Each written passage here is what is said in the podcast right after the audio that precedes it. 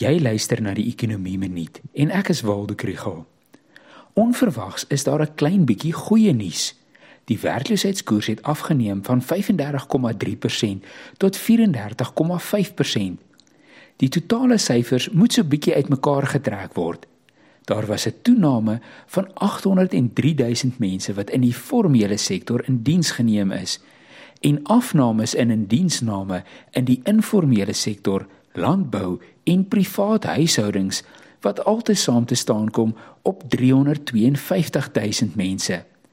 Dit gee 'n netto wen van nuwe werkskepping en die aantal werklose mense het afgeneem met 679 000. Maar die skaal van die werkloosheidsprobleem is steeds te groot. Die arbeidsmag is ongeveer 22 miljoen mense en net meer as 10 miljoen is voltyds in diens geneem.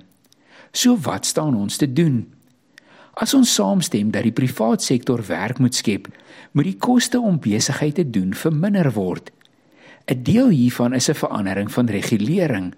'n Deel is investering in elektrisiteit, paaie, spoorlyne en hawens. Dit vat alles ongelukkig tyd. Is daar dalk meer direkte, korttermynstappe om te neem in die arbeidsmark? Een opsie is om 'n loonsubsidie aan werkgewers te betaal om spesifiek jong mense in diens te neem. Suid-Afrikaanse navorsing hieroor wys dat dit kan werk. Dit verhoog 'n werker se kans om 'n werk te kry, hoewel nie baie van die werkgewers die subsidie opeis nie. Die jong werkers bly ook langer aan die werk. Daar is nie bewyse dat dit veroorsaak dat ouer werkers vervang word nie. So dit kan 'n deel wees van die oplossing eerder as om ekstra toelate te betaal.